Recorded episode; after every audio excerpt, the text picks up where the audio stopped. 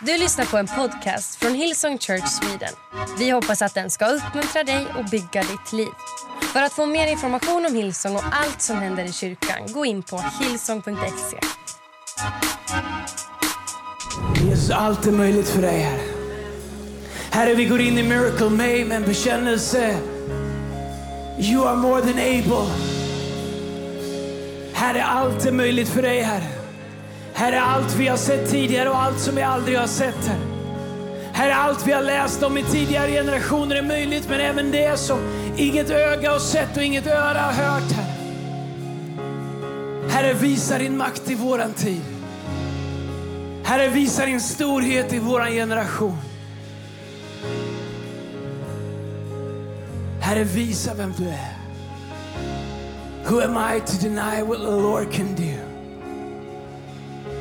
Jesus, you're more than able. Oavsett sjukdom, oavsett situation, oavsett utmaning, oavsett hur länge vi har väntat, you're more than able. Oavsett läkarbesked, oavsett hur länge sedan det är sedan vi gav upp, Herre, you're more than able. Du är mäktig. Du är villig. Ditt namn bär samma kraft och samma auktoritet som någonsin har gjort, Herre. Vi bekänner det den här morgonen, Här. Vi bekänner det den här dagen, Herre. Vi kommer bekänna det ikväll och imorgon och nästa vecka, Herre. Att you are more than able. I Jesu namn vi ber. Amen. Amen. Tack teamet, varsågod och sitt.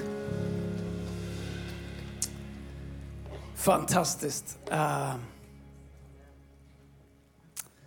älskar den här sången. Come on, kan vi ge teamet en... Kan vi tacka vårt lovsångsteam? Det gör vi nästan aldrig. Jag får en massa applåder, helhjärtade och halvhjärtade, men de förtjänar en riktig applåd. Mycket bra. All right, så Miracle May. Här är vad vi ska göra idag. Jag ska predika lite grann. Om det blir en predikan eller någon form av liksom programförklaring, det vet jag inte. Sen ska vi be att Gud gör vad Gud gör. Och jag tror att Gud kommer att göra någonting idag. Ni ser på sidorna här så har vi, de kallas för miracle walls. Vi kommer ta fram dem i slutet på mötet. Och du kommer kunna skriva bönämnen där på. Du kommer kunna skriva bönämnen. Du vet förr vi har satt lappar och grejer. I år så har vi tuschpennor i olika färger. Och du kommer kunna göra det i slutet av mötet. Jag tror att i det här mötet kommer Gud göra någonting. Så jag skulle vilja tala in både till det här mötet och till alla våra campusar. Hela Sverige, Göteborg, Örebro, City, som är på Södra Teatern idag. Vi möter där ikväll också, 17.00. Jönköping och Malmö. Så tacksam för alla våra campusar och även du som är med online. Vi uppskattar så mycket du som är varje vecka. Men här är grejen. Så Miracle May, vi har paketerat på olika sätt. Och, um, men jag tänkte att vi skulle gå in i Miracle May lite annorlunda i år. Och jag tänkte att jag skulle dela några tankar som jag har. Och, uh, hade jag haft mer frimodighet så hade jag sagt att jag tror att jag har en hälsning till vår kyrka. Det har jag, men jag säger det sådär lite halvt. Okay? Uh, ehm, men om man tittar på de sista, det sista året, så, eller framförallt sista halvåret, jag har, jag har droppat det på olika sätt sista månaderna. Men om man tittar på liksom mitt sista halvår så har, har det varit lite som att jag är halvlek. Som att det är liksom lite paus mellan första halvlek och andra halvlek. Jag vet att vi är i Stockholm och ni gillar inte att prata sport här nu för tiden, men, men äh, äh, jag har varit eh, äh, pastorsnat i 28 år. Det är ju sjukt. Jag trodde aldrig jag skulle leva så länge, men hur jag har kunnat skava mig fram på det sättet 28 år, det är ofattbart. Men det har jag gjort, ser du. Eh, och jag har ungefär lika länge kvar, minst. Jag, ska, jag tänkte att jag ska dö med stövlarna på. Innan jag ställer av de här bootsen så eh, så får Jesus komma eller mitt hjärta sluta slå. Men sista halvleken, sista tiden så jag har haft lite så här, du vet när man gör någon form av, inte avslut, men tillbakablick och, och tänker det som händer, det fattar inte ni, inte du Vanessa och inte ni som unga. Men ni tror att framtiden alltid finns där. Eh, och det gör ni för mig också. Jag ser många som har kommit mycket längre på sin livsresa. Men Men man kommer till en punkt där man inser att tid är inte obegränsat. Eh, och jag inser att eh, jag vet inte, jag fyller 48 år. Jag säger inte att jag är närmare slutet än födseln. Förhoppningsvis är jag liksom eh, någonstans mitt emellan. Men jag, för första gången börjat tänka att tid är inte obegränsat. Tid eh, är någonting som kommer ta slut. Antingen att Jesus kommer hämta oss, vilket är fantastiskt. Eller att min tid är över och någon annan ska ta vid. Men det har också fått mig att fundera på vad vill jag att min andra halvlek ska vara. Och när jag ser tillbaka på första halvlek så ser jag enorma saker jag fått vara med om när jag tjänat Gud. Segrar, eh, fantastiska saker. Men jag kan också se notan för första halvleken som ibland och ganska ofta har känts övermäktig. Och när jag tänker på andra halvlek så är det mänskligt sett lite svårt ibland att motivera utifrån ett mänskligt perspektiv och kanske fortsätta att ta den hela tiden. Så jag sökte Gud sista halvlek och sa Gud, det måste finnas någonting mer i andra delen än vad jag har sett i första delen för att fortsätta att göra det på samma sätt. För lite nu, jag är så tacksam, jag är så tacksam, vår kyrka, för 16 och ett halvt år sedan så fanns den inte. Och nu är vi här, eller hur? Åh, Gud har gjort det. Vi har döpt tusentals och tiotusentals blivit frälsta. Så jag har så mycket att vara tacksam över. Men jag inser också att jag vill inte bara trumma på liksom och, och om det ska fortsätta den här takten så kommer vi göra något fantastiskt. Men jag ser inte hur vi ska kanske på det här sättet bygga en kyrka som förvandlar en nation. I grunden så är jag evangelist. I grunden så är min djupaste längtan att alla människor ska lära känna Jesus. Att se evangeliet förvandla människors liv. Att se evangeliet förvandla familjer, förvandla städer. Jag är en av de här liksom, märkliga människorna som tror att evangeliet har så mycket kraft. Att namnet Jesus har så mycket kraft att det fortfarande kan förvandla ett land. Att det faktiskt fortfarande kan förvandla en hel generation.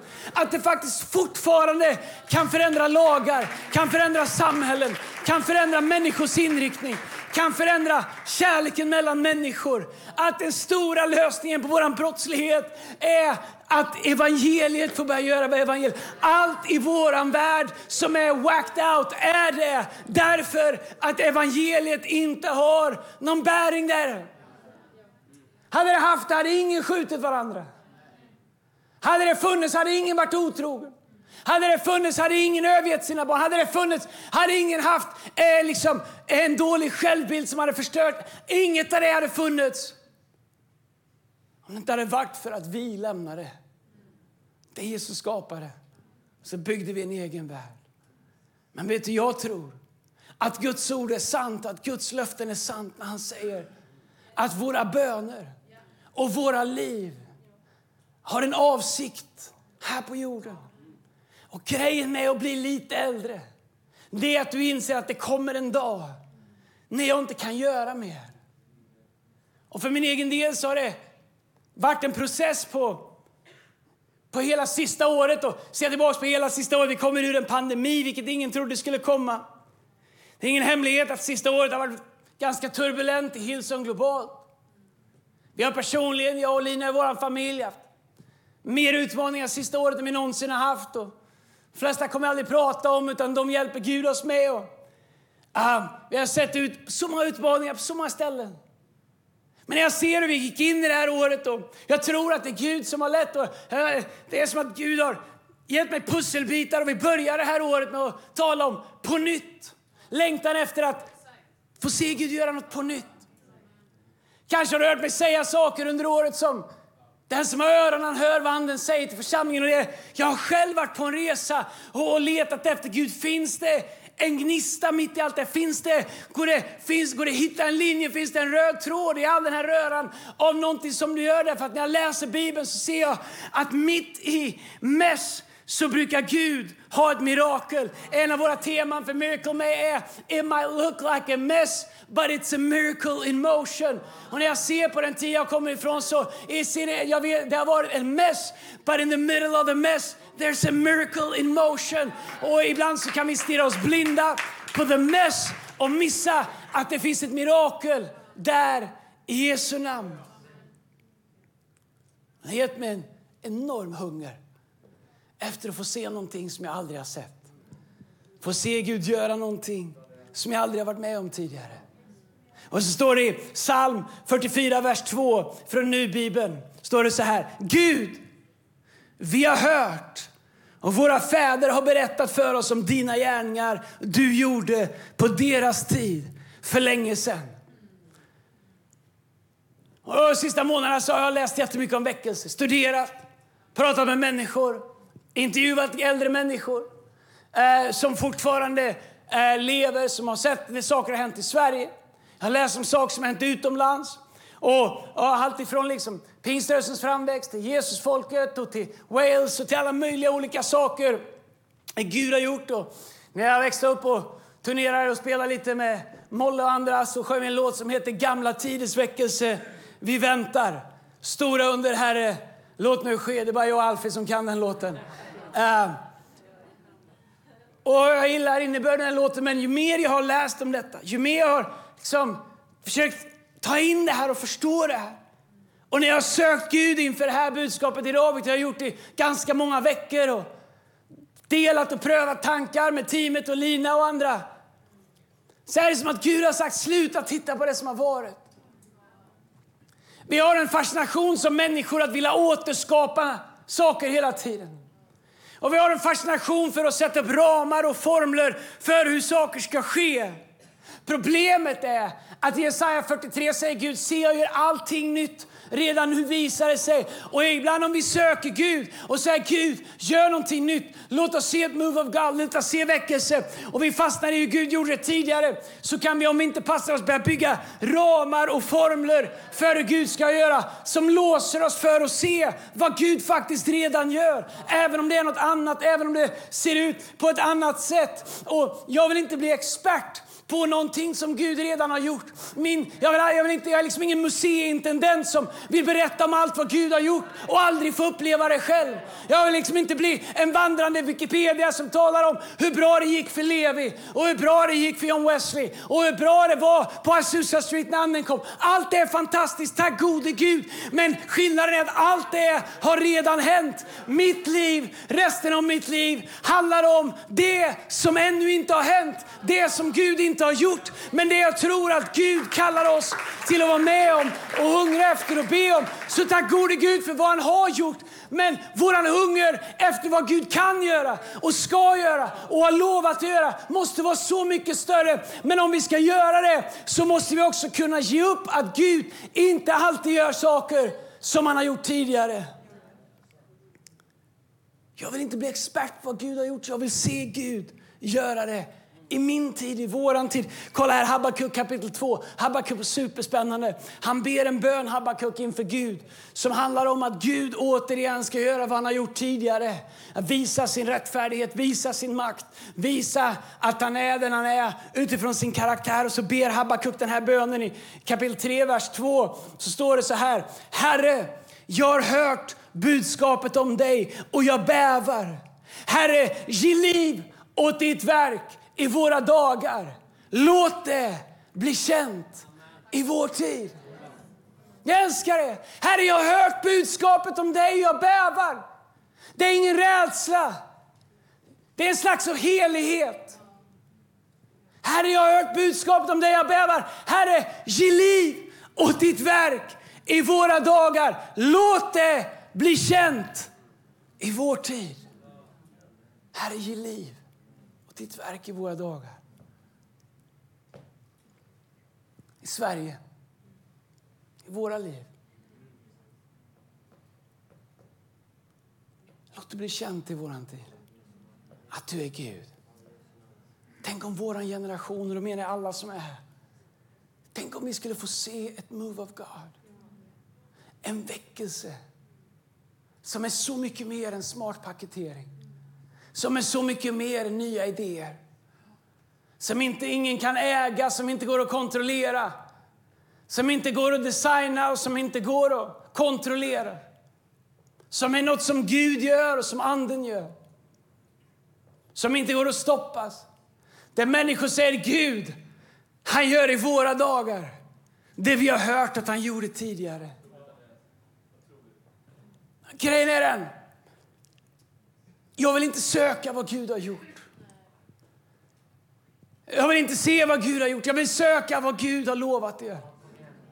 Jag vill söka vad Gud har sagt att han kan göra.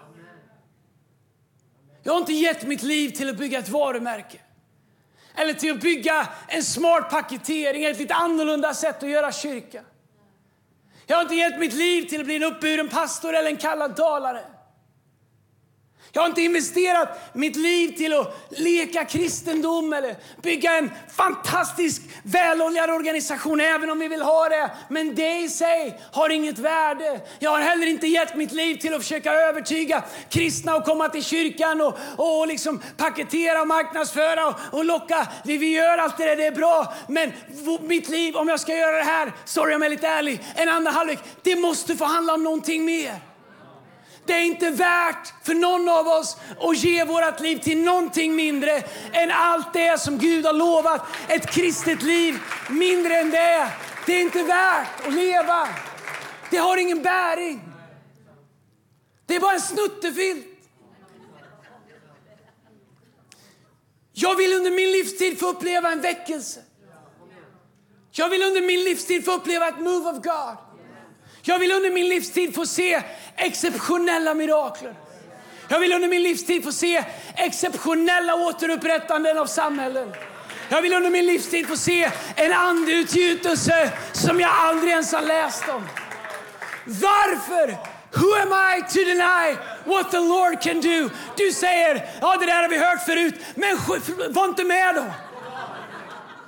Gå hem eller säga det menar jag inte. Men alltså, jag bryr alla, men jag kunde inte bry mig mindre om du inte ville. Älskar, är du välkommen? Jag kommer göra allt för att du känner dig hemma. But I could not care less. Därför att var och en av oss måste välja vad vi ska investera våra liv i. Och när jag läser Bibeln så ser jag att det ibland räcker med två, tre människor som börjar söka Gud, söka hans vilja, söka hans namn, söka hans närhet för att Gud skulle låta himlen öppna sig och att alla får del av det. Jag har gett min familj till det här, jag har gett mitt liv till det här, jag har gett mitt rykte till det här. Och ingenting mindre än det här är värt att känna Gud för. Ingenting. Inte att play church, inte att bygga ett alternativ till hur man kan konstruera eller organisera en församling. Tänk att få se Gud. Tänk att få se hans mäktiga hand. Tänk att få känna hans ande.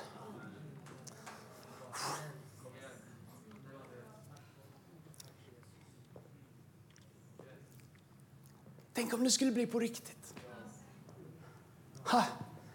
Syner, drömmar, uppenbarelser, gåvor i funktion. Guds rike som i himlen, så här på jorden. Är det, antingen är det en dröm, antingen är det bara en utopi. Antingen har vi börjat tro vi på någonting som är en, någon slags saga som ska ge oss någon form av stödhjul i livet så att det känns lite bättre. Eller så är det Gud säger på riktigt. Och om det är på riktigt, då har vi sett så lite av det gentemot vad jag läser om att vi skulle kunna få se. Och då måste vi ställa oss frågan, vad är diskrepansen mellan vad vi ser och vad vi läser om? Och vad ska vi göra för att få se vad Gud har lovat? Och vilka människor ska ge sitt liv till att få se det under sitt livstid. Och vem ska be bönen? Herre, jag har hört budskapet om dig och jag bävar. Herre, ge liv åt ditt verk i våra dagar. Låt det bli känt i våran tid. Det jag inser med väckelse, eller ett move of God, är att oavsett jag läser om det så har det alltid två ingredienser. Ibland massa olika, men det finns alltid två centrala saker i centrum när vi ser vad som startar ett move of God, vad som startar väckelse, vad som startar andutgjutelse, vad som startar någonting. Vi kan se det redan på Apostlagärningarna kapitel 2, 1 och 2 och framåt. Och genom alla väckelser du studerar. Det är två saker. Det första är omvändelse, uppgörelse, förkrosselse och helighet. Den tänkte du det var fyra. Ja, men det är första punkten. Omvändelse, uppgörelse, förkrosselse och helhetslängtan. Nej, jag inser att det inte är några modeord 2023. Men det finns ingen väckelse någonstans eller ett move of God när hela samhällen och generationer blir förvandlade som inte har börjat hos Guds folk i hans hus med hans barn där det inte har börjat med omvändelse. Men då pratar jag inte frälsning. Jag pratar våra hjärtan. Allt det där som vi kan ha kvar i våra liv på grund av Guds nåd. Allt det där som på något sätt får leva i våra liv på grund av Guds stora nåd. Som vi egentligen borde omvända oss ifrån. Attityder, hur vi pratar, hemliga synder, whatever vad det än är. Jag har aldrig sett en väckelse som inte börjar med att Guds folk inte i förkastelse och skam, men i en längtan efter Gud. I en längtan efter hans närvaro, i en längtan efter hans renhet. Vänder sig till Gud och säger Gud, rena mig. Helga mig. Ta bort allting i mitt liv som inte behagar dig. Vi slutar med våra hemliga rum och våra hemliga synder och våra hemliga saker vi har. Vi håller ordning på en tunga. Vi slutar vara dömande. Vi, vi, vi gör alla de här sakerna. Vi säger Gud, jag vill leva rent, jag vill leva heligt. Jag vill att mitt liv ska behaga dig. Jag inser att varenda dag så har jag en anledning att omvända mig. Inte till frälsning, men till att korsfästa mitt kött. Att gå till dig Gud och säga Gud, förlåt mig idag igen för allting i mitt liv som inte behagar dig. Hjälp mig att imorgon leva lite mer lik dig. Göra upp med våra eh, tankebyggnader, med våra förutfattade meningar, med våra åsikter om andra. Varför? Vi behöver inte ens en djävul i kyrkan när vi har medlemmar, därför att vi sköter kriget själva. Vi kanske inte alltid säger det, men vi tänker det. Jag gör det och du gör det. Och vi sätter etiketter på varandra och vi bär på oförlåtelse, vi bär på bitterhet och vi bär på förutfattade meningar och vi tittar snett och vi tittar ner och vi tittar upp och vi gör alla de här sakerna. Du säger inte ja, nej då har du problem med lögn istället. Vi har alla de här sakerna i våra liv som vi bär och Gud säger My grace is sufficient och Gud han ger oss nåd men det betyder inte att det behagar honom. Och jag har aldrig sett en väckelse där Gud gör ett undantag med utan det börjar med att vi som egentligen älskar Herren inser att vi behöver omvända oss till honom. Vi behöver göra upp med saker i våra liv. Vi behöver gå till människor och be om förlåtelse och ge förlåtelse. Vi behöver reda ut saker. Vi behöver släppa taget om saker. Vi behöver förstå vad Paulus säger när han säger tänk på det här. Det som är sant, det som är rätt, det som är rent och det som är upphöjt. Tänk på de sakerna. Varför säger han det? Jo, det är för att det finns 70 000 andra saker som vi ser och kan fokusera på i vår mänsklighet. Men Paulus säger, sök det goda, sök det som är sant, det som är rätt, det som är rent och se det goda. Jag har aldrig sett en väckelse som inte har i sin första fas att Guds folk gör upp med varandra.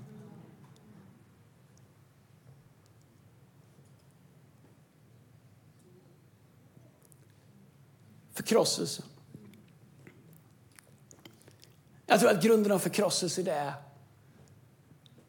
det är ett möte med Jesus.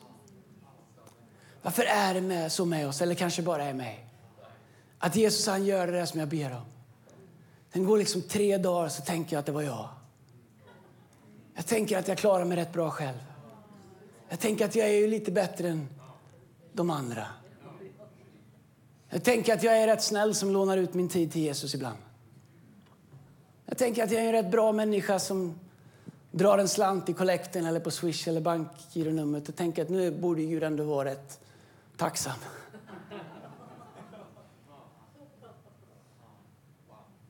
Så tappade jag hade det inte varit för honom så hade varit ute med mig.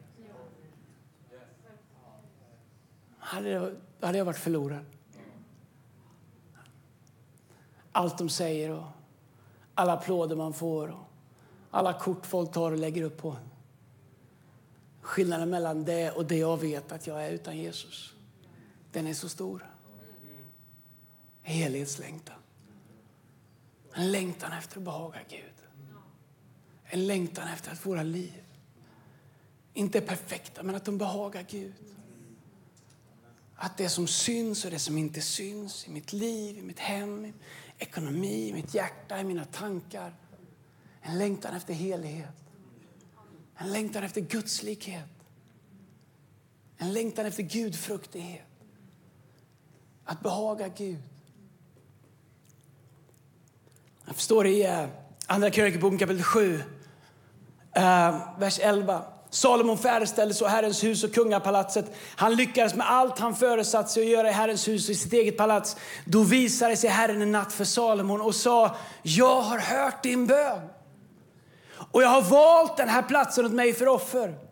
Jag stäng, om jag stänger till himlen så att det inte kommer något regn, eller om jag befaller gräshoppor och härjar landet, eller om jag sänder e-, epidemier eh, över mitt folk. Och mitt folk som är kallat efter mitt namn, då ödmjukar sig och ber till mig och söker mig och vänder om från sina onda vägar. Vilka är det som ska göra det? Hedningarna? Nej, om mitt folk, säger Herren.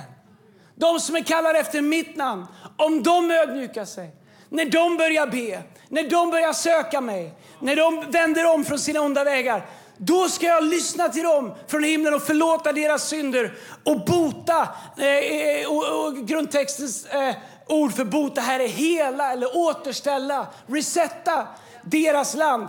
Jag ska öppna mina ögon och öron till de böner som bes på den platsen. Kan det vara så att vi kan be hur mycket som helst, men om vi inte omvänder våra hjärtan till Gud, om vi inte börjar söka honom på allvar, om vi inte vänder om från våra vägar och går till Gud, så ber vi till en Gud. Han hör vad vi säger, men han säger hej, om ni går igenom saker och ting och ni bara tittar på den tid vi lever i, så säger Gud, om mitt folk Sluta prata om hur hemskt det är i världen. Problemet är inte världen, problemet är mig. Problemet är jag, hans folk. Men han säger att när vi börjar söka honom, när vi ödmjukar oss och när vi vänder om och när vi ödmjukar oss, då ska han lyssna till våra böner.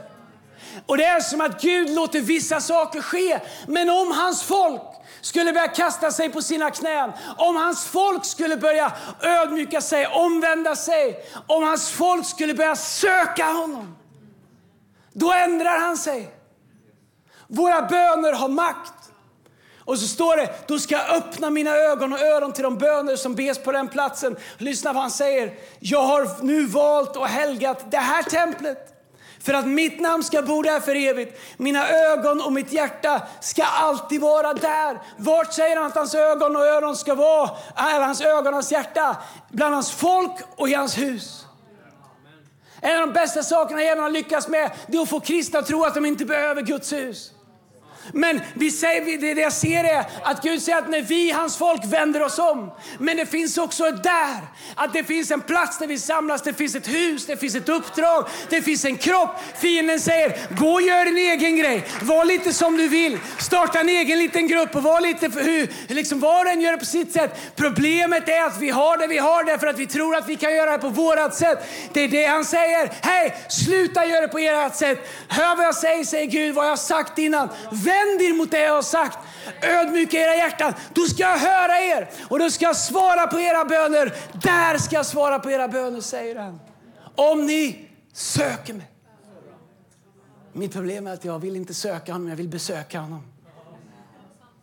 Jag vill besöka honom i kyrkan, jag vill besöka honom i, när jag öppnar Bibeln, jag besöker honom när jag lyssnar på en lovsång. Skillnaden är att när vi besöker honom så får vi kanske en fix eller vi kanske får liksom uppfylla någon form av kristen plikt. Vi öppnar Bibeln, vi drar på en lovsång. Men det är skillnad på att besöka Gud och söka Gud. Ni söker mig, säger Gud, av hela era hjärtan.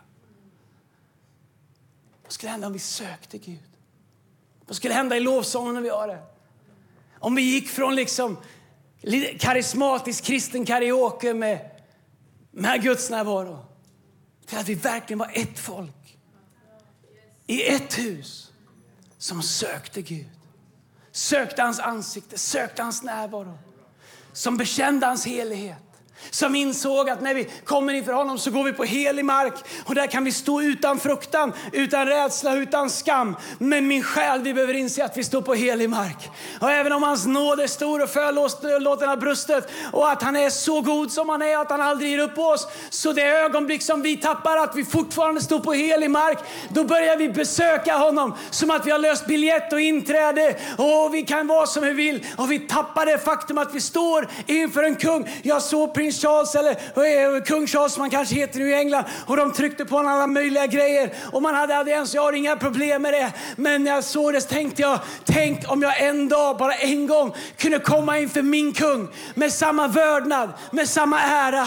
Hur kan jag stå med handen i fickan och tänka på andra saker som jag så ofta gör och sjunga igenom de här stora raderna? Men Bibeln säger att om mitt folk ödmjukar sig och vänder sig till mig och söker mig, då ska jag öppna mina öron, då ska jag höra dem och där ska jag tala till dem och där ska jag återupprätta och hela deras land.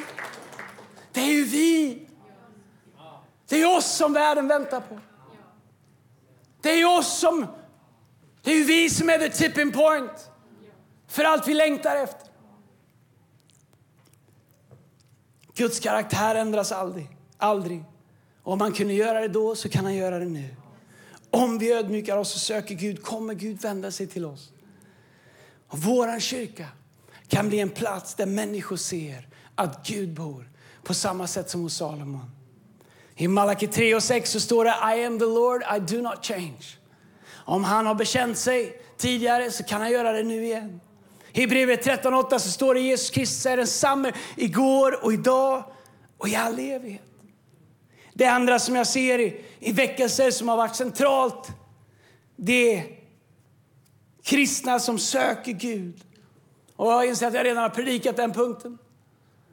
Typiskt mig.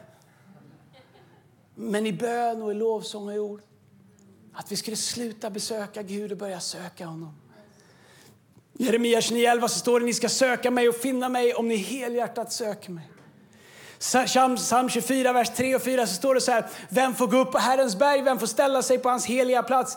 Den som har skuldfria händer och ett rent hjärta som inte vänder sig till meningslösa gudar, den som aldrig svär falskt. Min, min önskan för Miracle May det är att det skulle vara så mycket mer än en kampanj eller en paketering.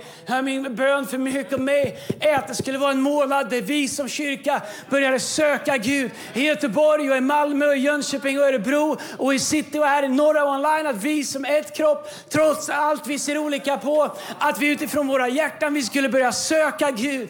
Och vi skulle börja vända oss till honom. Och att vi skulle se en våg av förlåtelser och upprättelser. Och, och där vi liksom gjorde upp med saker och ting. Och där vi fick uppleva frihet och enighet och renhet och gemenskap. Och där vi kunde söka Gud som en ande och som en kropp med ett hjärta och med en själ. Och att vi skulle få se Gud göra saker. Och därför i maj så har vi bestämt att vi ska, vi ska be som vi aldrig har gjort tidigare.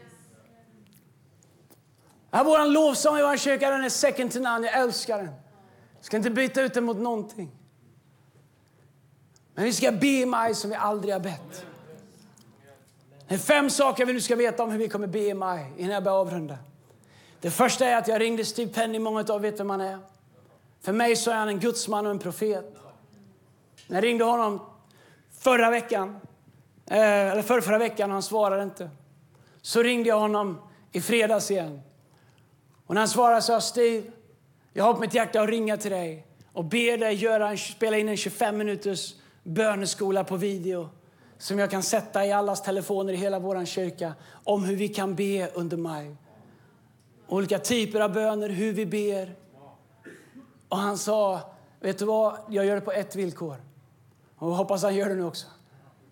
Om jag, jag, jag, eh, jag såg att du ringde veckan innan och jag kunde inte svara. Men när jag såg ditt nummer så fick jag ett profetisk hälsning till er kyrka och till Sverige. Om jag får dela den inspelningen först så hans han Jag sa go for it. Så tisdag kväll, den nu på tisdag kväll, så kommer vi online eh, ha en 25 minuters böneskola om hur vi kan be tillsammans med Steve Penny. Vi kommer... Eh, eh, som Vanessa sa, varje onsdag så kommer vi ha bön på alla våra campusar.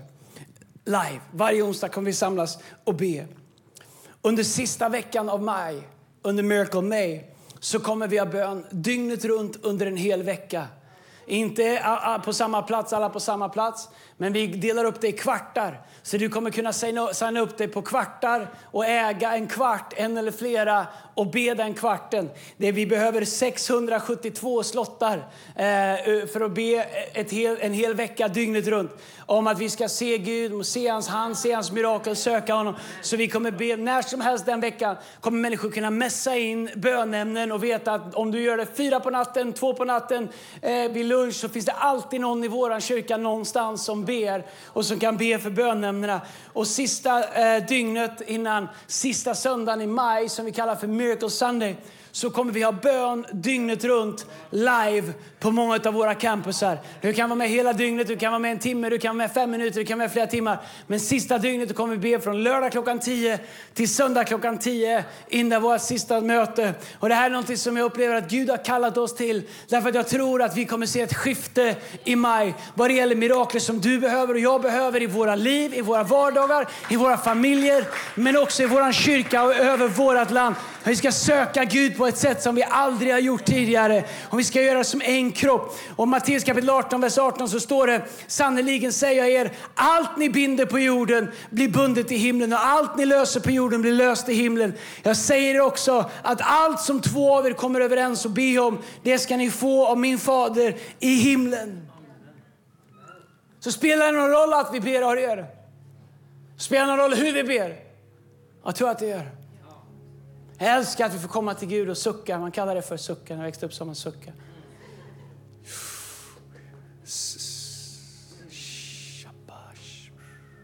Underbart. Jag växte upp. Då hade vi ingen playlist när man gick in i kyrkan. Då var det tyst. Vackert. Så hörde man. Abba. Underbara böner. Men vet du, det finns andra typer av böner också. Som inte är kopplade till personlighet. Och jag tror att det är viktigt för oss att förstå att det finns olika typer av böner vi kan be. Jakobs brev kapitel 5, vers 16 så står det så här. Mycket förmår en rättfärdig mans och kvinnas bön när den bedes med kraft. Jag fick gå tillbaka till 1917 för att hitta en bra översättning. Mycket förmår en rättfärdig mans bön när den bedes med kraft. Vad betyder kraft? Är det viktigt att vi ber med kraft? Jag tror att det är viktigt att, att en typ av våra böner är med kraft. Varför? Det är för kraft, engelska ordet fervent, i grekiskan som det här är skrivet på betyder energi eller passion. Så det Bibeln säger att mycket förmår en rättfärdig mans bön när den bedes med passion eller med energi. Det finns tid för att sucka, det finns tid för att bara klamra sig fast på Gud. Men det finns också tid för att ropa, det finns tid för att be med kraft, det finns tid för att be med energi. Det finns tid för att ropa till Gud, för att lösa och binda. Och det är det Matteus säger att, att, att det två eller tre kommer överens om. Det vi binder på jorden blir bundet i himlen, det vi löser på jorden ska bli löst i himlen. Och jag tror att Gud under maj månad kommer föra oss som kyrka in i en ny nivå av bön. Både individuellt men också kollektivt kollektivt i Jesu namn. Man kan tänka varför ska vi be om Gud är oföränderlig? Och Gud är oföränderlig i sin karaktär, i vem han är. Men hans vilja påverkas och vad han gör påverkas av våra böner. Vi kan ändra vad Gud gör med våra böner. vår Gud arbetar med och genom våra böner. Frånvaron av våra böner innebär också frånvaro för Gud och har något att arbeta med eller genom. Men jag är övertygad om att vi kommer se Gud göra under i maj och framöver. Jag är övertygad om att du kan få ett mirakel. Jag är övertygad om att vi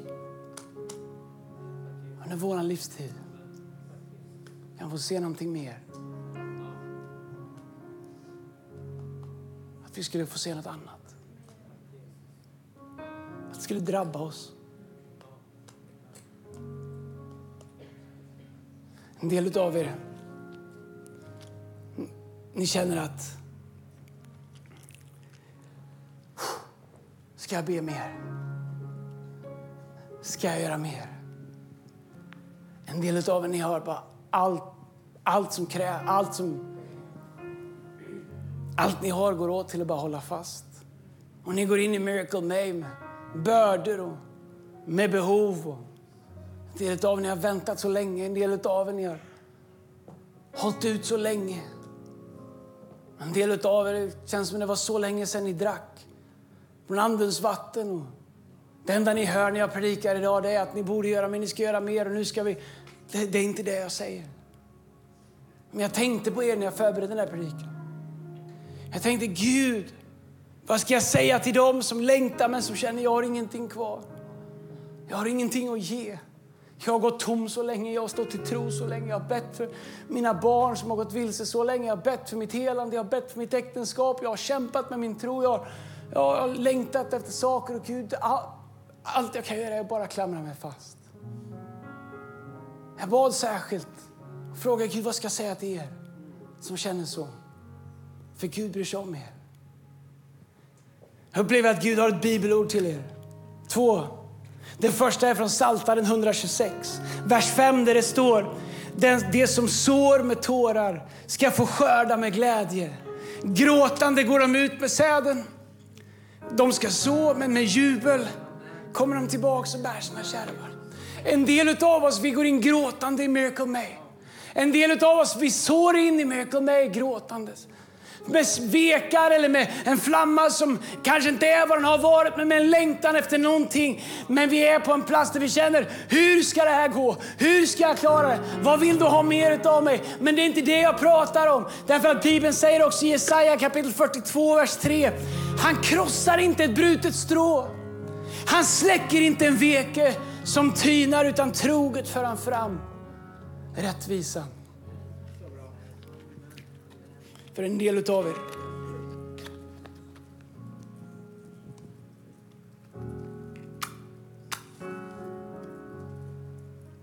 Som en gång brann eller som längtar efter att brinna.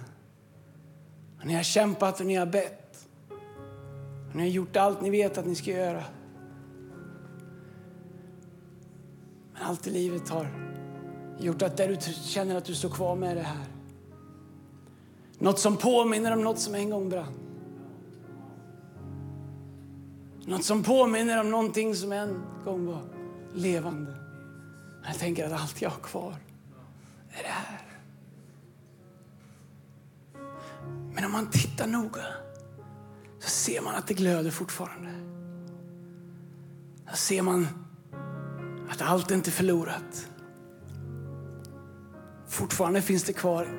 Ingen annan ser det, men Gud ser det. Och så säger Gud, han krossar inte ett brutet strå. Han släcker inte en veke som tynar. Gud vill ge ditt liv. Återigen ska du få brinna. Om du känner att du går in i Miracle May med mindre tro än någonsin, med mindre kraft än någonsin, med mindre energi än någonsin. Det är okej. Okay. Därför att han kommer inte utsläcka en tynande veka. Han kommer inte låta, han kommer inte låta ett, ett tunt strå brista. Han kommer vårda, han kommer vaka, han kommer bära, han kommer hela, han kommer tända. Det handlar inte om vad vi gör eller vad vi är. Det handlar om vem han är och vad han kan göra i ditt liv. Min vän, så diskvalificera inte dig själv. Lägg inte bördan på dig själv. Utan om du ska höra någonting, hör vad jag säger. Kasta dig återigen på Gud och säg Gud, gör det igen i mitt liv. Och om vi som kyrka återigen skulle kasta oss på Gud och säga Gud gör Gör i våra dagar det du gjorde i våra förfäders tid. Herre, låt oss få se det på nytt i våran tid. Låt oss få se dina gärningar. Låt oss få se din ande igen. Då. Inte genom en människas styrka eller kraft, utan genom din ande. Jag fattar inte vad det är med mig. Östrogen i hela kroppen. Så du som känner att du har minst att ge, kanske är det åt dig som Gud har mest. Kanske är det dig som Gud kommer använda mest av alla. Du som allt du har kvar är minnet av något som brann. Gud är inte färdig med dig. Gud har inte räknat ut dig. Gud har inte slutat. Hans ande tar aldrig slut. Fader, jag ber.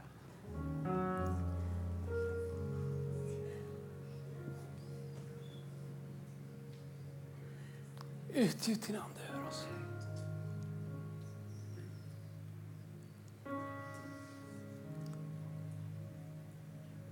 Utgjut din ande över oss.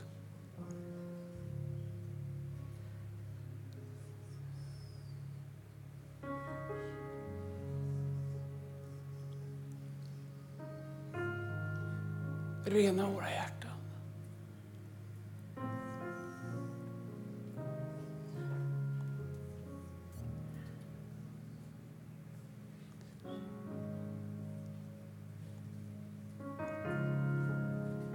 Släck inte, Herre.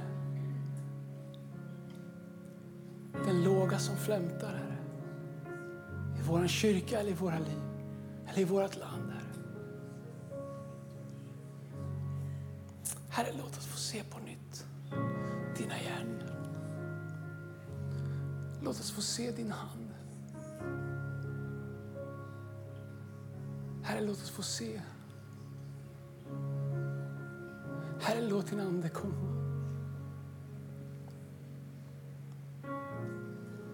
Herre, hela det som är brösten. Herre, res upp det som har fallit. Herre, tänd det som har slocknat. Herre, kom till vår kyrka. Kom till våra liv. Gör någonting nytt, Herre. Gör något annat, Gud, än det vi har sett, Herre.